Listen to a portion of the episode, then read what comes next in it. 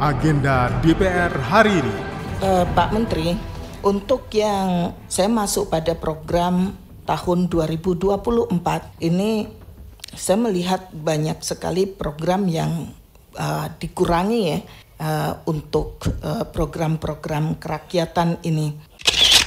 Kemudian Pak Menteri, uh, satu ini langsung mungkin ke dapil saya kemarin untuk program tahun 2024 saya mendapatkan khususnya di SDA.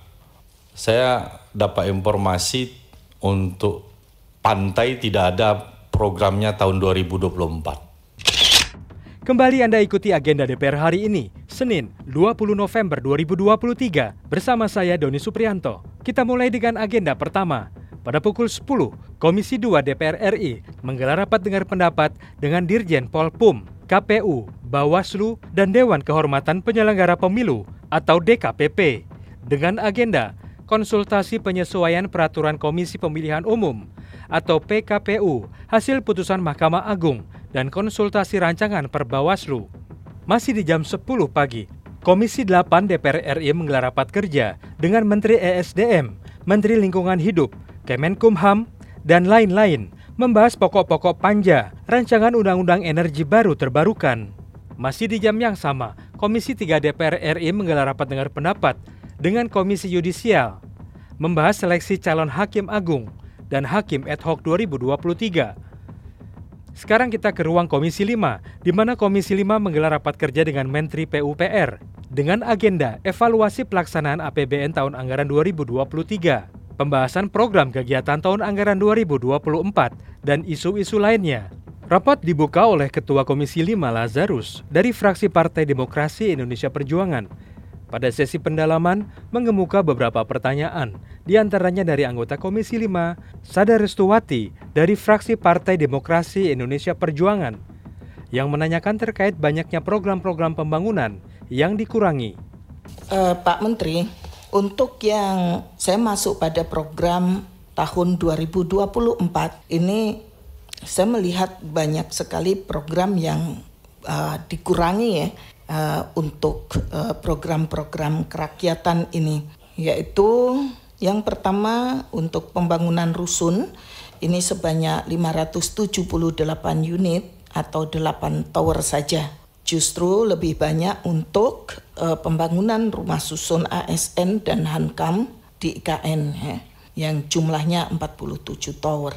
Berikutnya juga terkait rumah swadaya di mana tahun ini tahun yang benar-benar menjadi penentuan bagi kami yang tentunya kami berharap banyak program-program dari Kementerian PU ini bisa menyelamatkan kami untuk bisa kembali lagi terpilih uh, untuk um, di 2024. Sementara itu, dari anggota Komisi 5 lainnya, Syahrul Aidi Mazat dari fraksi Partai Keadilan Sejahtera menanyakan terkait pemanfaatan dana untuk pembangunan pesisir pantai dan sungai yang ada di Provinsi Riau. Kemudian Pak Menteri, uh, satu ini langsung mungkin ke dapil saya kemarin untuk program tahun 2024 saya mendapatkan khususnya di SDA. Saya dapat informasi untuk pantai tidak ada programnya tahun 2024. Alasannya karena selama ini e, dananya dari SBSN, SBSN sudah habis katanya. Jadi ada juga informasinya SBSN-nya ada 200 miliar cuma Riau tidak kedapat kebagian gitu ya. Ini gimana nih Pak Bob? Apa memang tidak ada lagi program untuk penanganan pantai? Ada kalau di dapil saya ada dua yang sangat kritis. Yang pertama adalah Kuala Selat yang sudah ada DED-nya tahun ini yang diharapkan pembangunannya tahun depan, tapi tidak masuk dalam perencanaan kita tahun depan.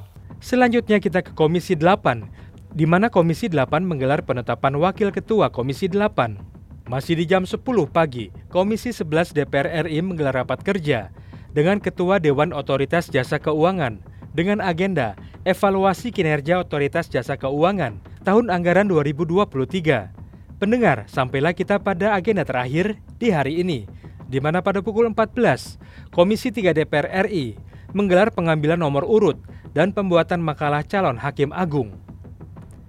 Demikian agenda DPR hari ini. Untuk informasi selengkapnya, simak dan ikuti media sosial TV dan radio parlemen. Saya Doni Suprianto, sampai jumpa. Agenda DPR hari ini.